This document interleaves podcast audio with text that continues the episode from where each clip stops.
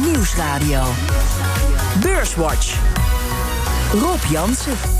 Welkom bij Beurswatch, het beleggingsprogramma op de Nederlandse radio. Met Olaf van den Heuvel van Egon Asset Management en Jos Versteeg van Insinger Gillissen. Welkom. Ja, jullie zijn niet in de studio, maar wel bij mij in het programma uh, aanwezig. Um, de voorspellingen voor de wereldeconomie die zijn inktzwart. Zeker uh, de voorspelling van het uh, IMF. Toch blijven de beurzen het slechte nieuws negeren. even een korte verklaring vooraf. Wat denk jij, waarom komt dat, Olaf? Nou ja, ik, denk dat het hier uh, dat je een beetje moet kijken naar aan de ene kant financiële markten en aan de andere kant de economie. Uh, de economie ligt echt heel erg plat en daar gaan we diepe, diepe dalen zien. Maar aan de andere kant zie je van wat doen we eraan? Uh, wat zijn de fiscale impulsen? Wat zijn de monetaire impulsen? En de markt die schat eigenlijk in dat, dat we hier doorheen kunnen gaan kijken. Hè? Dat de, de diep, diepe dalen die we zien in de echte economie, dat die op de, voor de financiële markt in ieder geval worden opgevuld door allerlei steunpakketten, allerlei belastingmaatregelen. Uh, en dat helpt. En wat denk ik de afgelopen dagen ook heel erg heeft, heeft geholpen, is dat we overal eigenlijk zien dat het, uh, het aantal besmettingen aan het stabiliseren is. Dus we krijgen langzaam een beetje hoop van, goh, hè, misschien kunnen we hier doorheen gaan kijken. Ja, en dat dan samen met het enorme pakket. Het zou er gek genoeg wel eens toe kunnen leiden dat ondanks dat je de scherpste economische val hebt sinds, sinds tijden, dat de markten misschien weer naar nieuwe pieken gaan. Is dat volgens jou ook de verklaring, Jos?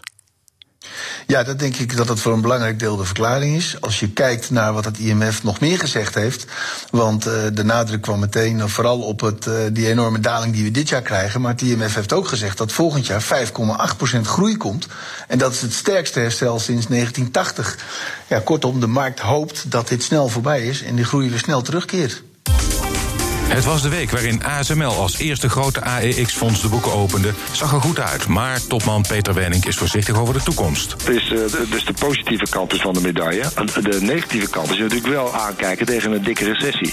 Uh, dus een gevolg van uh, dus zo'n recessie is dat het consumentenvertrouwen daalt... en ook dat de consumentenbestedingen dalen. Dus er zullen ook consumentenelektronica zal wel te lijden hebben. En Vagron, toeleverancier voor de apotheekbranche... heeft geen last van de coronacrisis, ook niet met de toelevering vanuit Azië. 40% kopen we in, uh, in thuismarkten, in Europa, Noord- en Zuid-Amerika. En 60% kopen we vanuit Azië. En vanuit China hebben we geen probleem gehad. Natuurlijk hebben we nu de lockdown in India in de maand april. Maar we hebben ons thuiswerk gedaan en uh, genoeg voor, voor die producten. Niettemin schetste Gita Gopinath, hoofdeconoom van het IMF, een donker beeld van de wereldeconomie. We are projecting global growth in 2020 to fall to minus 3%. Now this is a downgrade of 6.3 percentage points from January 2020, a major revision over a very short period of time. This makes the Great Lockdown the worst recession since the Great Depression and far worse than the global financial crisis. Ja, de hoofdeconoom hier van het IMF. Grootste recessie sinds de Grote Depressie in de jaren 30 en veel erger dan de financiële crisis. Um, Olaf, um, ik hoor, als ik jou zo hoor, dan zeg jij van ja, ik denk dat jij minder somber bent dan het IMF. Of zie ik dat verkeerd? Nou ja, kijk, als gezegd, de financiële markten en de economie, dat zijn twee verschillende dingen in, in deze crisis. Maar wat je ziet, vind ik dat, dat in, in die 2008-2009 crisis toen. Uh, ging het over wie heeft de schuld hieraan en wie moeten we vooral niet belonen voor wangedrag. En het was een hele negatieve omgeving. Hm. Um, en mensen, de overheden, de centrale banken hebben daarvan geleerd. Hebben ervan geleerd van ja, zo'n zo'n crisis is een groot probleem. En dat, daar maak je de, de impact, de pijn daarvan, maak je zo klein mogelijk door meteen heel groots in te grijpen. Dus meteen meer dan genoeg te doen. En alles wat te veel blijkt te zijn, dat ruim je later wel weer op. En het voordeel natuurlijk van deze crisis is, um, je hoeft niet echt iemand de schuld te geven. Weet je, het is een virus, het, is niet, het zijn niet de bankiers, het zijn niet uh, politici, het zijn niet, noem het maar op. Nee, het is een virus, dus niemand heeft schuld. En dat maakt het een stuk beter en soepeler. Ja, Jos, jij zei net, um, uh, ja, he, ze voorspellen voor 2021 uh, de, de, een herstel, ja, uh, zoals we dat sinds de jaren 80 niet hebben gezien. Um, ja. Maar als ik kijk naar Nederland, als ik dat er even uitpik, daar komt, blijft Nederland achter. In, in, de eurozone hebben we een van de zwaarste krimpen met 7,5 procent, zeg ik uit het hoofd. En um, het herstel bij ons is niet 5 procent, maar 2 procent. Dat ligt heel dicht bij dat sombere scenario van het CPB. Ja, inderdaad. ja, ik, ik heb daar niet naar gekeken, maar ik denk dat het vooral komt omdat Nederland zo'n enorme internationale economie is, een open economie. Wij moeten het heel sterk van de handel hebben. En juist daar zitten toch wel de problemen. Dus ja, ik denk dat dat wel voor een heel groot gedeelte de specifieke problemen van Nederland verklaart. Ja, en um, als je nou kijkt, uh, uh, Olaf. Um, uh, anderhalve maand geleden dachten economen nog aan een mogelijk snel herstel. Uh, ik hoor nu uh, een herstel in een niet een V-vorm, maar een U-vorm, of soms ook een W-vorm. wat denk jij? Ja, nou kijk, de grap is natuurlijk dat je naar zo'n crisis kijkt en hoe je er ook zelf mee bezig bent. Dat, uh, het duurde even voordat we denk ik allemaal door hadden van ja, dit is echt een groot probleem. Ja. Uh, ik denk nog steeds dat we wel een uh, redelijk scherp herstel kunnen zien mits het niet te lang duurt. Dus ja. als je echt een hele lange crisis krijgt, dan gaan er heel veel bedrijven failliet. En in toenemende mate ook eigenlijk bedrijven die gewoon gezond waren. Uh, maar als het een hele snelle uh, flits crisis wordt, we weer snel kunnen gaan kijken naar, naar wat gebeurt er nadat het virus uh, goed te behandelen valt. Ja, dan, dan heb je veel meer dat de echte de materie van de economie niet structureel geraakt wordt. En dat we relatief snel weer uh, aan de slag kunnen. En dat wil niet zeggen dat, dat al die restaurants die nu sluiten, ja, die gaan hun omzet natuurlijk niet meer inhalen. maar je kunt wel krijgen dat nadat zo'n crisis mensen toch weer een beetje willen gaan genieten. En toch ook weer daar een beetje terug gaan veren. Dus ik denk dat het nog steeds wel kan. Maar het hangt er heel mee samen hoe we omgaan met de anderhalve meter economie. En wanneer we een beetje een, een medicijn zien, of uh, wanneer een vaccin groot uitgerold kan worden. Ja, en, ja, ik zie die, die anderhalve meter economie, die, dat, dat, dat, dat, dat, dat zie ik niet zo gebeuren. En het grote probleem is bijvoorbeeld ook in de vliegtuigindustrie. Hoe wil je daar de anderhalve meter economie gaan toepassen? Je kunt niet met, met de helft van de mensen gaan vliegen en dan de tickets 100% verhogen. Dat gaat ook niet werken. Uh, restaurants die met een halve bezetting moeten gaan werken, komen ook niet uit. Er is heel veel business, zeker in de dienstverlening, die vrij marginaal is. En die met een uh, halve capaciteit gewoon geen verdien, verdienmodel meer heeft. Dus ja, als, die, als dat plan lang blijft, zo'n anderhalve meter economie, dan maak ik me grote zorgen. Mm. En ja, kijk, de vraag is ook een beetje van uh, hoe snel, wat Olaf ook al zei, van uh, hoe snel gaan die komen die banen alweer terug. We hebben nu op dit moment heel veel tijdelijke werklozen in Amerika. Hè. Dat kun je in die werkloosheidscijfers zien. En de verhouding tijdelijk permanent is, is heel groot. Maar ja, het kan toch, toch zijn dat er veel bedrijven omvallen. Uh, in China zie je bijvoorbeeld al veel kleine ondernemers ook omvallen. Daar is de werkloosheid ook vrij hoog. En ook de afgelopen twee maanden nog steeds uh, vrij hoog gebleven. Heel anders dan in Amerika, want daar is de werkloosheid maar 6 procent. Hm. Maar je kunt toch wel, uh, ja, ik, vind het, uh, ik ben wat voorzichtiger met hoe snel we hier weer uitkomen. Dit, ja. uh, dat kan nog wel eens tegen gaan vallen. Ja. Um, aan de andere kant, Olaf, jij zei, stipte net al aan, hè, in, in, de financiële crisis kon je zeggen, ja, daar hadden de banken een rol in. en nu, kun je er niks, kun je geen schuldigen aanwijzen. Um, hoe correct is het om deze situatie te vergelijken met de jaren 30, wat, wat mij betreft een veel groter doembeeld is nog. Want ja, je ziet nu, hè, het is al, al gevallen net, de centrale banken, de overheden, die halen alles uit de kast om de economie te stutten. Dus is die vergelijking met de jaren 30 wel reëel? Uh, nou ja, er zijn, er zijn meerdere parallellen. Dat is het raar aan die situatie. Want uh, eind jaren 30 had je ook dat bijvoorbeeld de beroepsbevolking in Amerika aan het teruglopen was. Die hadden een periode van uh, grote groei gehad, enorme schuldenstijging. Um, en vervolgens, om dat feestje vol te houden van steeds maar meer schuld en dan meer groei en dan meer schuld, heb je een groeiende beroepsbevolking nodig. Of een flinke productiviteitssprong. Nou beide gebeurden toen niet. Uh, en dat leidde tot een flinke crisis. En uiteindelijk natuurlijk tot een, uh, misschien wel tot allerlei fricties overal over de wereld. Die, die uitmonden, uitmonden in een Tweede Wereldoorlog. Ja. Um, dat fenomeen van een krimpende beroepsbevolking hebben we nu ook. Overal in de wereld zitten we met een hele groot deel van de, van de bevolking die met pensioen gaat, daar heel veel voor spaart. Dus er is een enorm berg met spaargeld. En er is relatief weinig vraag naar geld. De nieuwe bedrijven zijn eigenlijk heel erg eh, kapitaal-extensief, hebben niet veel geld nodig. Dus er wordt weinig geleend en heel veel aangeboden, rente blijft laag. Dat fenomeen hadden we al. Ehm, en daar worden we nu meer mee geconfronteerd nog. Nou ja, in die situatie zaten we. En ik denk dat we allemaal zagen van... goh, langzaam loopt overal die trendgroei naar beneden. In China, in Amerika, in Europa, in Japan al helemaal.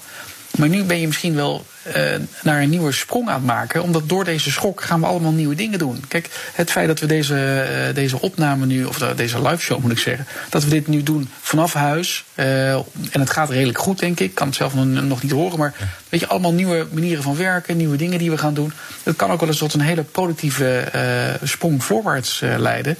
waardoor je misschien juist uit dat hele jaren 30 denken komt. Ja. ja, daar zie ik ook wel een risico in hoor, wat, wat, wat Alf zegt. Kijk, want we hadden in, vanaf 2009 was er zogenaamd sprake van die jobless recovery. Hè? Bij de meeste recessies zie je daarna dat de banengroei sterk aantrekt. En dat zagen we tien jaar geleden niet. De economie trok wel wat aan, maar er kwamen relatief weinig nieuwe banen bij.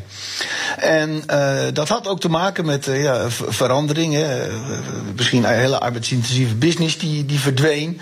En dat zou, dat proces als je dat nu krijgt, dan, dat, dat zou ook nog zo, zo kunnen zijn. Hè? Dat bijvoorbeeld nu veel meer thuisbezorgd wordt, dat supermarkten misschien minder intensief worden, hoef je minder mensen te werken. Als je kijkt naar bijvoorbeeld elektrische auto's, waar veel minder uh, onderdelen voor nodig zijn, veel eenvoudiger te bouwen, dan, ja, dan zou je wel eens kunnen vrezen. Ik zeg het niet meteen dat dat ook gebeurt, maar dat, dat is ook wel het risico. Dat er nu ook, dat die jobless recovery van tien jaar geleden, dat dat nu ook weer gebeurt. En ja, daar, dus aan de ene kant heel mooi, ik ben het helemaal met Olaf eens. Het is prachtig natuurlijk als de vernieuwing komt. En ik denk ook dat dat thuiswerken, dat dat door gaat zetten. Dit is iets wat, ja, wat, uh, wat een grote sprong gaat maken. Ja. En op afstand werken met cloud computing. Maar het kan er ook toe leiden dat er toch veel minder mensen in dienst in, in, uh, ja, dat er minder vraag is naar arbeid. Denk maar, als je cloud computing, als je dat allemaal gaat redigeren naar Amazon en Google en Microsoft, dan hebben al die bedrijven in, in Nederland, maar ook wereldwijd, uh, bijvoorbeeld een, een behoorlijk kleinere IT-teams nodig. Ja. Ja, ja. Uh, ik wil even nou nog een, uh, een ander punt, uh, namelijk coronabonds. Een terugkerend thema. Die discussie die woekert voort. hebben we die nodig, die voor de opbouw, de wederopbouw van de Europese economie? Moet dat gebeuren met de uitgifte van coronabonds, eurobonds, die ervoor zorgen dat de leningen niet bij de staatsschuld wordt opgeteld van bijvoorbeeld Spanje of Italië? Um, de Franse president Macron pleitte daar vandaag in de Financial Times weer voor. Het Europees Parlement heeft daar vandaag voor gestemd. Um, Olaf, ben jij voor of tegen de eurobonds om deze crisis aan te pakken? Ja, volgens mij had ik uh, vorige keer toen ik uh, in de uitzending was bij jou uh, ook, ook al er iets over gezegd. En dat ik in principe denk dat dit soort. Ik had eigenlijk verwacht dat het makkelijker zou zijn nu. Ook weer omdat we geen gemeenschappelijke vijand hebben. Dus niemand is stout geweest. Dus waarom zou je elkaar niet wat, wat sneller helpen? Ja. Um, uiteindelijk in Europa, als je wil dat dit een sterk e economisch blok is, dan moet je komen tot coronabonds. Ja. Alleen dat kan niet zonder dat je een, een goed functionerende Europese arbeidsmarkt hebt. Dus als jij uh, naar school gaat in Zuid-Italië, moet je probleemloos kunnen werken in, uh, in Stockholm, bij wijze van spreken. Dat moet allemaal heel flexibel gaan. En, en dat is het allerbelangrijkste, uh, je hebt een politieke unie nodig. Ja. Dus je moet dan wel, als je coronabonds hebt, ook dezelfde spelregels hebben. Hoe ga je om met de begroting en voor wie is het? En, ja. en die stap moet wel eerst genomen worden, denk ik. Meer integratie. Uh, Jos, hoe, hoe kijk jij aan tegen die coronabonds? Ja, daar ben ik het helemaal mee eens met uh, Olaf. Kijk, weet je, die euro is in Nederland en in een aantal andere landen altijd verkocht met het idee van we krijgen in Europa geen transferunie. Er wordt geen geld overgedragen naar de zuidelijke landen. En als je een beetje nadenkt en je hebt een gemeenschappelijke portemonnee, dan gaat dat toch gebeuren. Hm. Dus politici hebben daar altijd, zijn daar nooit eerlijk over geweest. En als ze dat nou eens een keer wel zouden doen, dan schep je ook geen mogelijkheden voor allerlei populistische politieke partijen die zeggen van de politici liegen ons voor. Want dat is wat er eigenlijk de afgelopen jaren gebeurd is. Hm. Geen transferunie. Ik vind, en ik ben het helemaal met Olaf eens, van uh, uiteindelijk moeten we als we een sterk Europa willen hebben tussen die grote blokken Amerika en China, ja, dan zullen we echt een, naar één Europa moeten gaan. En ja, dat, dat eist vertrouwen, dat eist solidariteit. En we moeten goede afspraken erover maken. Maar dat is de kant die we opgaan. En een andere kant is echt de ellende die we de afgelopen 150 jaar hebben gehad. Met oorlogen en ellende en separatisme. En die kant moeten we absoluut niet opgaan. Vind ik echt heel belangrijk. Richting een één Europa. Dat is echt essentieel. U luistert naar Beurswatch met uh, Olaf van den Heuvel van Egon Asset Management en Josse Steek van Insinger Gillissen. Voor we verder gaan maken we even de balans op van afgelopen week. De AEX sloot op 505,8 punten. Dat is 0,4% lager dan vorige week. Stijgers. Op 1 ASML won deze week 6,2 procent. Op 2 IMCD met een plus van 4,6 procent. En op 3 Heineken met een plus van 4,4 procent. Het midcap aandeel dat het best presteerde deze week was Vagron... met een plus van 15,5 procent. Dalers. Op 1 Unibuy Westfield Rodamco met een min van 11,6 procent. Op 2 ABN AMRO met een min van 10,7 procent. En op 3 ING, dat verloor deze week 10,6 procent. En in de midcap deze week was Fugro de grootste daler... met een min van maar liefst 22,2 procent. AEX deze week uh, vier, twee van de vier handelsdagen hoger gesloten.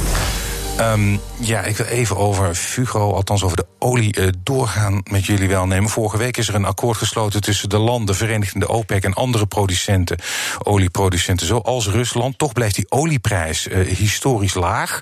Uh, Jos, wat is jouw verklaring daarvoor? Dat die prijs maar niet beweegt? Er is een enorm overschot aan olie. De OPEC heeft wel een, een, besluit genomen tot reductie van ongeveer 10 miljoen vaten. Maar dat is belangen niet uh, genoeg.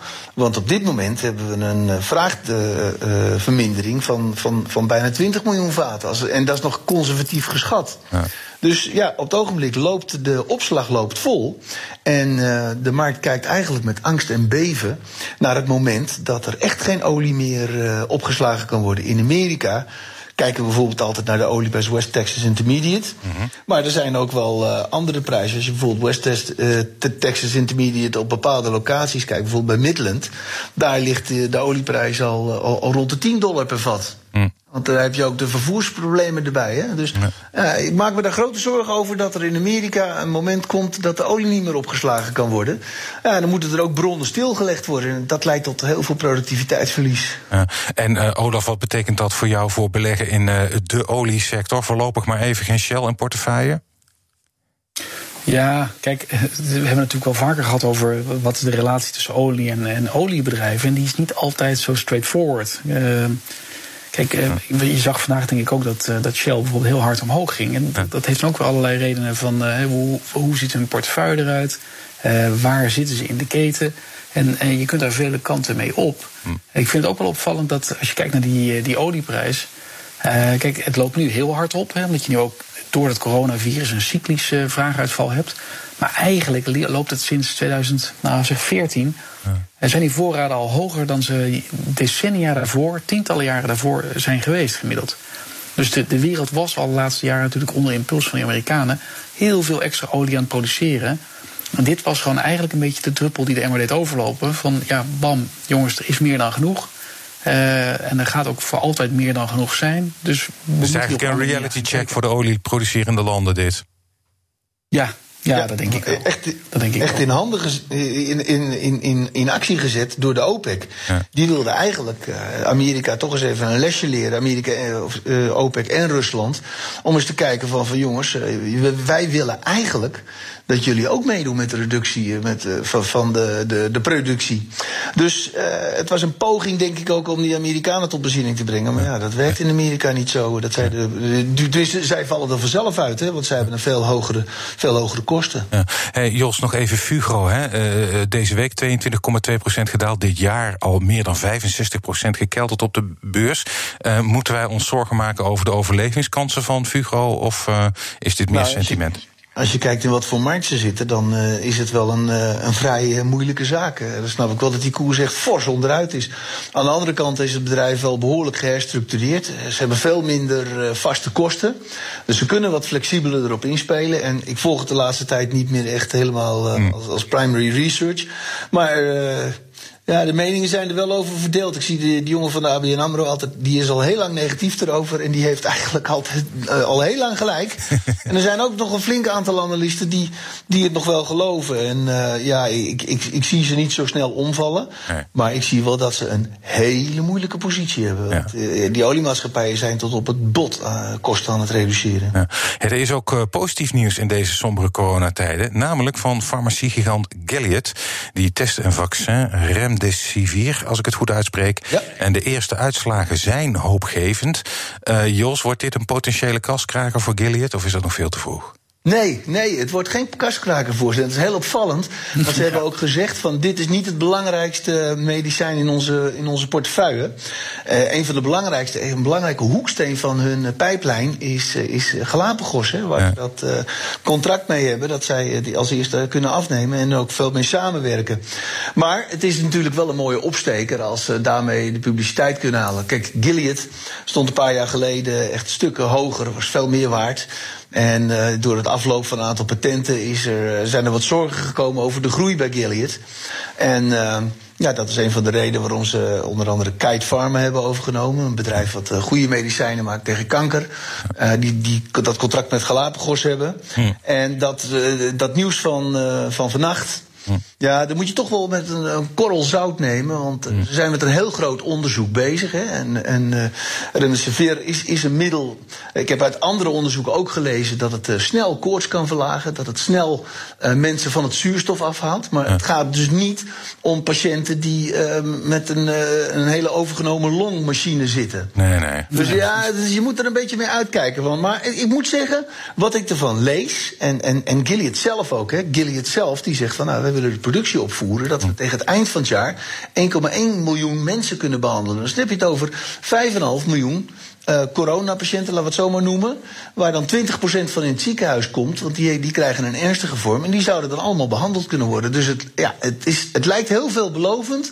Maar je moet er erg voorzichtig mee zijn. Want er zijn wel meer uh, van dit soort uh, uh, kansen geweest. Of hoop geweest. Mm. Donald Trump die chloroquine volop prijs.